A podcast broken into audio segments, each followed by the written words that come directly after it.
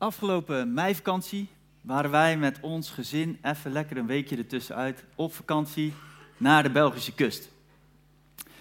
En onderweg kwamen we iets bijzonders tegen. En voordat ik jullie ga vertellen uh, wat we precies tegenkwamen, moet ik uh, jullie bekennen. Ik was misschien enigszins bevooroordeeld voorafgaand aan mijn waarneming. Ik ben namelijk opgegroeid in een tijdperk waarin alle moppen gingen over de Belgen. En vooral over hoe dom ze wel niet waren. En zodoende heb ik iets van een, vooroordeel wat ik altijd met me meedraag, heb ik laatst ontdekt.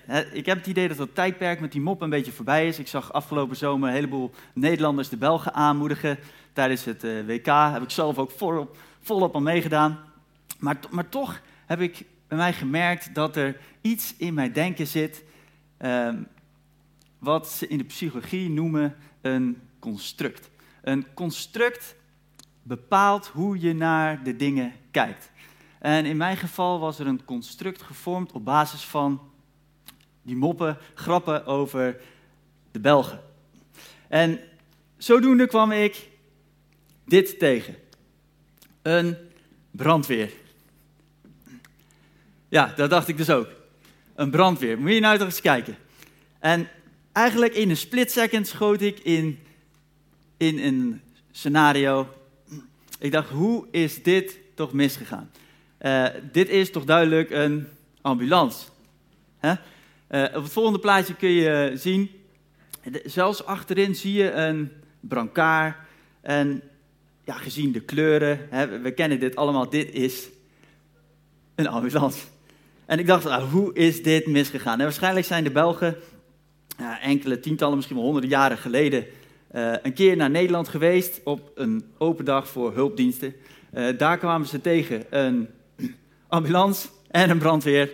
En eenmaal terug in België zat ze denken, hoe zat dat nou ook weer? Hebben ze de boel gewoon een beetje omgedraaid. en er was nog meer, want um, ik heb voor jullie even een opname gemaakt. Uh, ik zag de ambulance namelijk al een hele tijd in mijn spiegel aankomen en mijn interesse was gewekt. Ik denk, wat is hier aan de hand? Dus ik remde een beetje af en ik kwam langs de ambulance te rijden. Uh, hij had zijn sirene aan, maar hij reed dus even hard als ik, 120, 130 km per uur. En misschien meteen de volgende gedachte schoten door me heen. Laat, het videootje maar zien. Kijk, als bewijs voor jullie. Ik heb er gewoon de hele tijd een beetje achter en omheen gereden. En ik dacht, wat is er aan de hand met die brandweer? Dit klopt voor geen meter. misschien heeft de chauffeur gewoon nooit ontdekt dat er meer dan vier versnellingen op zo'n busje zitten. of, of, zou hij gewoon niet doorhebben dat de sirene aan staat? Dat hij gewoon even lunch is gaan halen voor de rest van de crew en dat hij gewoon per ongeluk de sirene heeft aangezet. Allerlei gedachten die in mij opkwamen, die voortkwamen uit een construct in mijn denken, gebaseerd op allerlei grappen die ik altijd heb gehoord over de Belgen. En toen deze brandweer eenmaal uh, afrit had genomen, ben ik eens gaan nadenken. Ik dacht, hoe zit dat eigenlijk? ik, ik schrok misschien ook wel een beetje van mijn eigen vooringenomenheid, dat het allemaal nergens op zou slaan. Uh, en dus ik ben eens even gaan opzoeken hoe het zit. En weet je wat ik heb ontdekt?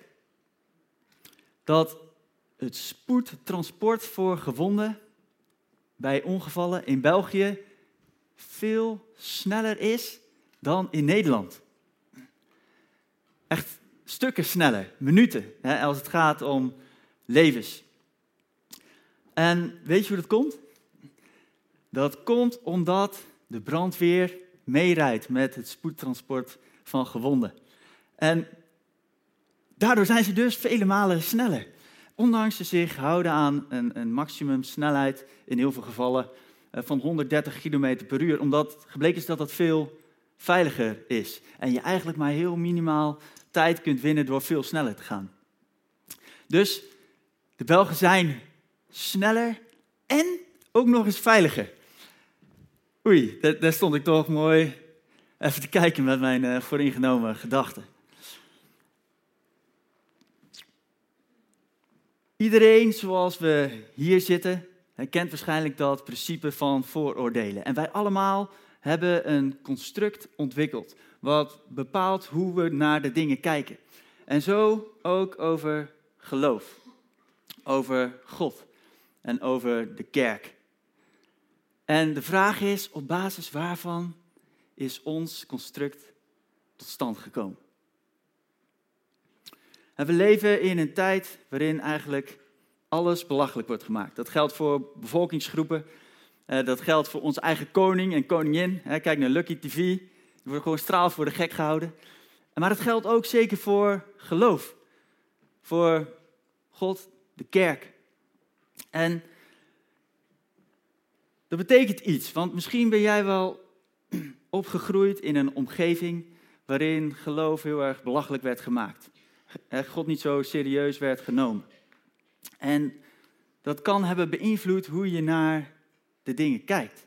En daarom willen we hier bij Stadskerk 040, bij deze eerste dienst, jullie een kans aanbieden. Allemaal. Een kans om opnieuw een aantal basiselementen rondom geloof te onderzoeken. En wie weet kom je wel tot de ontdekking dat dingen heel anders zijn dan je altijd hebt gedacht.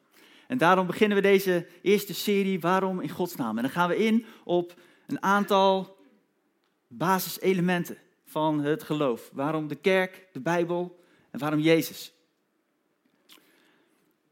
En misschien kom je wel tot de ontdekking dat dingen heel anders zijn dan je altijd hebt gedacht. Want wat nou als er meer is dan dit leven hier alleen op aarde? Wat nou als dat perspectief je een enorme vrede kan geven? Dat je niet meer alleen hoeft te leven voor de dingen hier en nu. Wat nou als geloof je niet bindt aan regels, maar je juist vrijmaakt? En wat nou als je nooit geen leegte meer hoeft te kennen?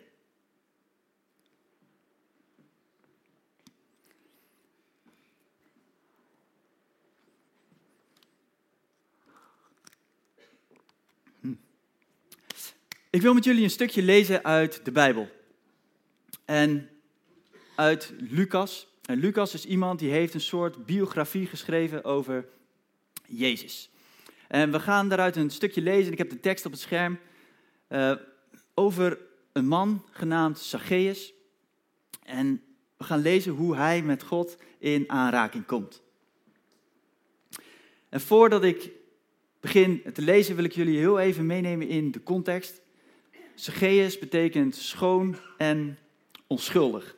Maar dat was niet precies hoe deze man bekend stond. Zacchaeus was een Jood en de Joden werden in die tijd overheerst door de Romeinen. De Romeinen kennen we waarschijnlijk allemaal van de geschiedenisboeken en van de films.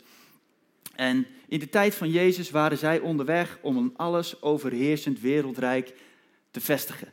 En in die tijd van overheersing heeft Zacchaeus voor zichzelf gekozen. Hij heeft een manier gevonden om ontzettend rijk te worden. Namelijk als tollenaar. En tollenaar, tollenaar was iemand die belasting inde voor de Romeinen. Dus bij zijn eigen volk ging Zacchaeus belasting innen voor de Romeinen. En er was een manier waarop je heel veel geld kon verdienen, namelijk door net even iets meer belasting te innen dan nodig was en zo je eigen zakken te vullen. En Zacchaeus was hier heel goed in geworden. Hij had het zelfs geschopt tot hoofdtollenaar. En hij was dus stinkend rijk. Dan gaan we lezen uit Lucas 19. Jezus ging Jericho in en trok door de stad. Er was daar een man die Zacchaeus heette, een rijke hoofdtollenaar. Hij wilde Jezus zien om te weten te komen wat voor iemand het was. Maar dat lukte hem niet vanwege de menigte, want hij was klein van stuk. Daarom liep hij snel vooruit en klom in een vijgenboom om Jezus te kunnen zien wanneer hij voorbij kwam. En toen Jezus daar langskwam, keek hij naar boven en zei: Zacchaeus, kom vlug naar beneden, want vandaag moet ik in jouw huis verblijven. Zacchaeus kwam meteen naar beneden en ontving Jezus vol vreugde bij zich thuis. En alle die dit zagen, zeiden morren tegen elkaar: Hij is het huis van een zondig mens binnengegaan om onderdak te vinden voor de nacht. Maar Zacchaeus was gaan staan en zei tegen de Heer: Kijk, Heer, de helft van mijn bezittingen geef ik aan de armen. En als ik iemand iets heb afgeperst, vergoed ik het viervoudig. Een kort verhaal, maar, wat een bizar stukje eigenlijk. Ik denk dat we één ding in ieder geval kunnen stellen. Het is van alle tijden dat we ons een verkeerd beeld vormen van wie Jezus is. Zacchaeus die is blij verrast, die klimt uit de boom en neemt Jezus, ontvangt Jezus in huis. Maar de menigte die zegt morgen tegen elkaar, waarom gaat Jezus het huis van een zondig mens binnen? Hoezo? Misschien had zij wel gedacht dat Jezus vooral uh, de hele vrome mensen op zou zoeken, die, die, zich, die een heel net leven leiden. Maar Jezus blijkt toch heel anders. En zo kunnen we een verkeerd beeld hebben gevormd van Jezus. En de vraag is, op basis waarvan hebben we dat beeld gevormd? Op basis waarvan heb jij een beeld gevormd van Jezus? En dan ja, eigenlijk het bizarre stukje. we lezen eigenlijk weinig over wat Jezus heeft gezegd tegen Zacchaeus. Maar Zacchaeus blijkt ineens van plan om de helft van zijn bezittingen weg te geven aan de armen. En alle mensen die hij heeft afgeperst viervoudig terug te betalen. Wat is daar gebeurd? Wat heeft Zacchaeus meegemaakt?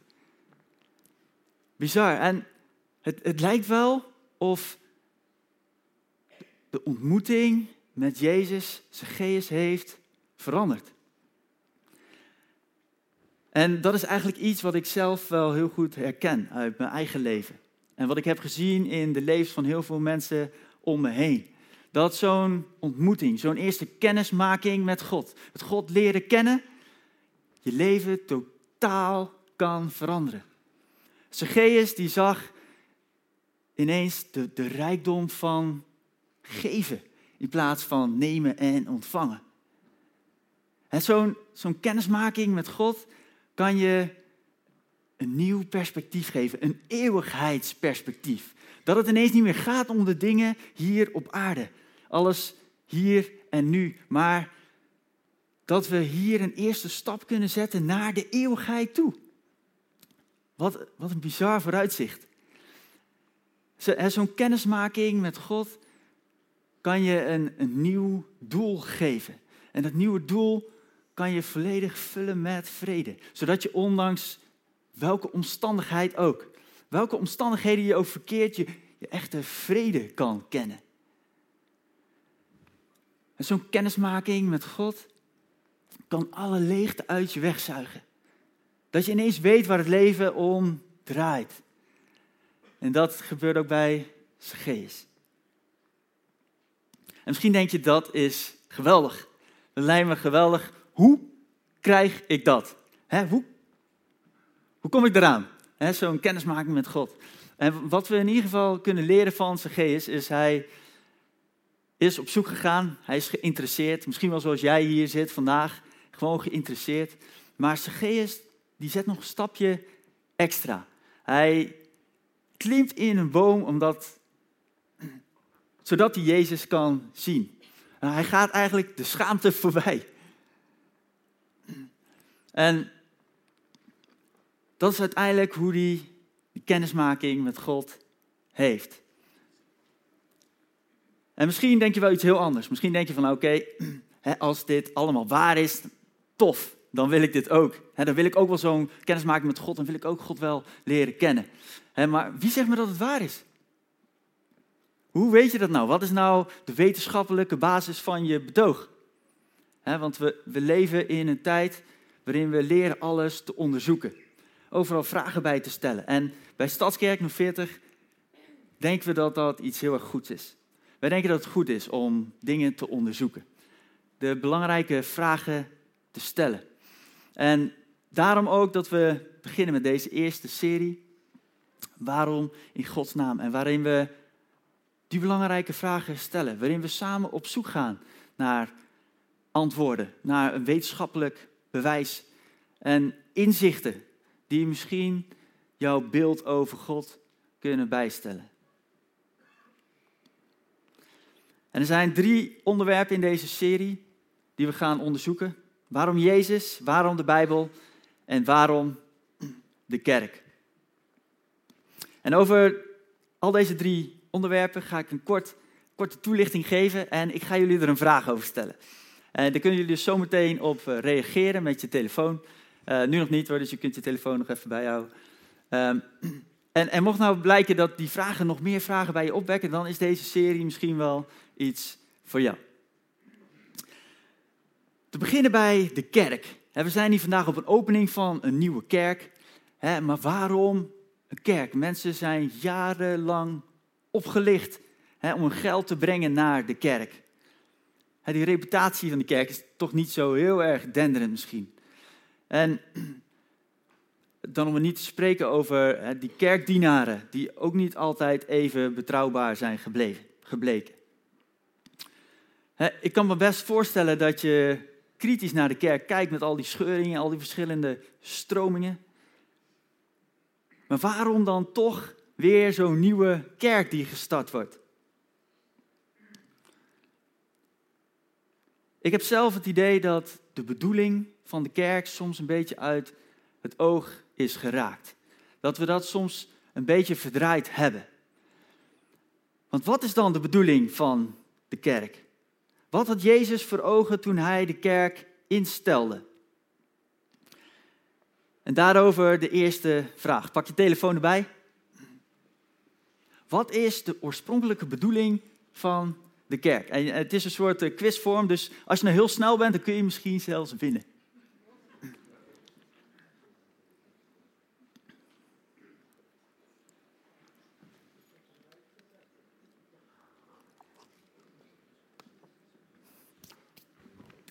Komt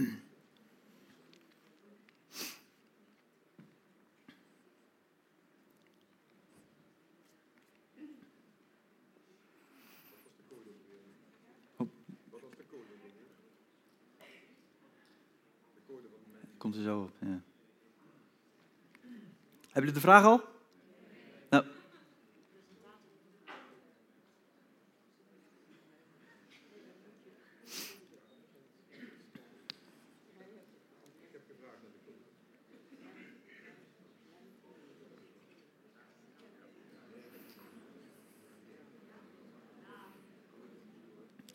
Die de vraag? Nee, nog niet? Dan gaan we door. Komt straks nog een vraag, dan hebben ze daar bovenin nog even... Dit... Oh, hij doet het wel. Oké, nou.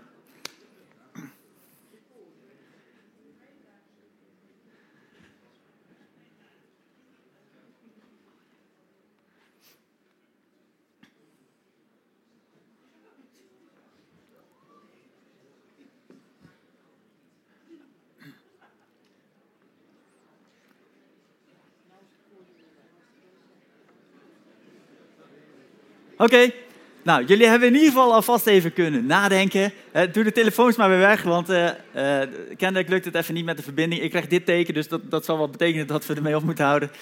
Ehm, doe de telefoons maar weer weg en dan gaan we gewoon door.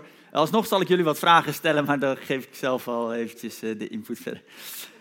Um, de kerk. Gaat het nou om tradities en gewoonten? Gaat het nou om allerlei religieuze vormen?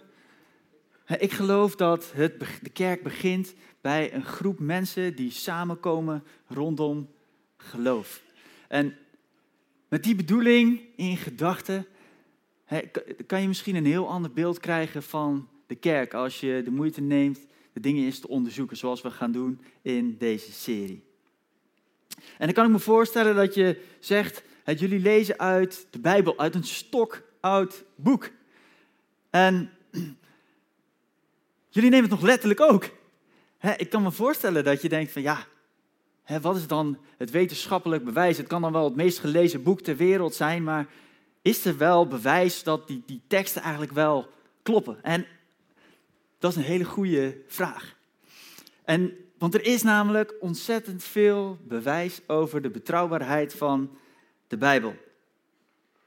En een tipje van de sluier opgelicht. Historici, als ze onderzoek doen naar oudheidsgeschriften, dan stellen ze een aantal vragen om bewijs te vergaren rondom de betrouwbaarheid van een stuk. En een van die vragen die ze stellen is: hoeveel manuscripten zijn er teruggevonden die wijzen op de oorspronkelijke tekst van de schrijver? En we gaan even een korte vergelijking doen met andere schrijvers uit de tijd van het Nieuwe Testament. Ja. De Griekse filosoof en schrijver Plato en Julius Caesar, een Romeins politicus. Voor Plato, dus uh, voor de oorspronkelijke teksten die hij heeft geschreven, er zijn tien manuscripten van teruggevonden. En Julius Caesar, daar zijn zeven manuscripten teruggevonden die wijzen naar de tekst van de oorspronkelijke schrijver. En volgens historici is deze tekst heel betrouwbaar. Er wordt helemaal niet getwijfeld aan de betrouwbaarheid van de teksten die geschreven zijn door Plato en Julius, Julius Caesar. En dan is de vraag voor jullie: hoeveel manuscripten denken jullie dat er zijn die wijzen op de oorspronkelijke tekst van het Nieuwe Testament? En we doen het niet via de Mentimeter, want die werkt niet. Dus ik ga het jullie meteen verklappen. 24.634. Dat is ongekend. Hè? Ongeëvenaard. Zelfs kritische seculiere, seculiere onderzoekers zullen bekennen dat qua historisch bewijs er geen ander oudheidsgeschrift is dat ook maar in de buurt komt van de Bijbel. En, en meer hierover in de serie die we gaan doen. En dan kun je denken, ja, dat bewijs hè, dat we de, de, oorspronkelijke teksten hebben van de schrijvers, dat, dat kan dan wel heel goed zijn en dat kan wel heel veel vertrouwen geven, maar alsnog, als je de Bijbel leest, dan kun je zomaar het idee hebben dat de Bijbel cultureel gezien gewoon niet meer past bij deze tijd. Als je de Bijbel voor het eerst leest, kun je zomaar de indruk krijgen dat het goed is om je vrouw te onderwerpen en om slaven in huis te nemen. En Gelukkig zijn we in deze tijd niet meer afhankelijk van één pastoor of één Bijbeluitlegger die ons de Bijbel voorleest. Maar we kunnen zelf de dingen onderzoeken. En we kunnen natuurlijk ontzettend veel hebben aan Bijbelonderzoekers, aan theologen, die ons kunnen helpen bij ons onderzoek naar de Bijbel. En zo een hele goede tip van een vooraanstaand theoloog deze tijd. En die zegt, als je de Bijbel voor het eerst gaat lezen, ga dan eerst op zoek naar de essentie. De essentie van de Bijbel. En dat is Jezus. Want als blijkt dat Jezus niet is wie hij zegt dat hij is, namelijk de Zoon van God, ja, dan is de rest van die Bijbel eigenlijk helemaal niet meer relevant. Dus ga eerst op zoek naar de essentie. En dat is ook waarom we in deze serie beginnen met waarom Jezus. Als die essentie niet waar zou zijn, dan wordt de rest van de Bijbel niet meer relevant. Die wordt pas relevant als je vanuit de essentie kan gaan bekijken hoe de dingen bedoeld zijn.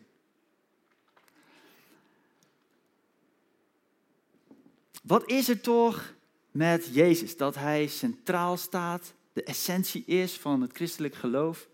Hij staat in tussen het Oude en het Nieuwe Testament. dus letterlijk staat hij centraal. Maar ook in het Oude Testament wordt voortdurend naar Jezus gewezen. En wat is er toch met Jezus dat hij onze geschiedenis opdeelde in, in twee delen, voor en na Christus? En wat is er toch dat wij zoveel feestdagen aan Jezus te danken hebben? Denk aan kerst, Pasen, Pinksteren, Hemelvaart.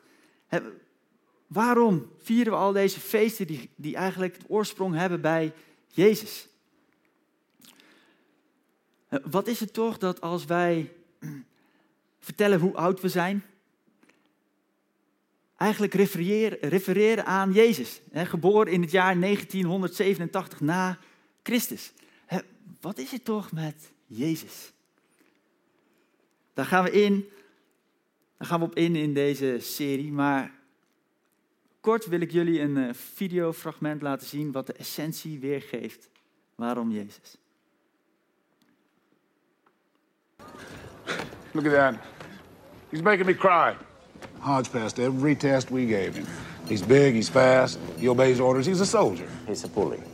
You don't win wars with niceness, Doctor. You win wars with guts. Grenade! Ja. Get away! Get back! Dummy grenade.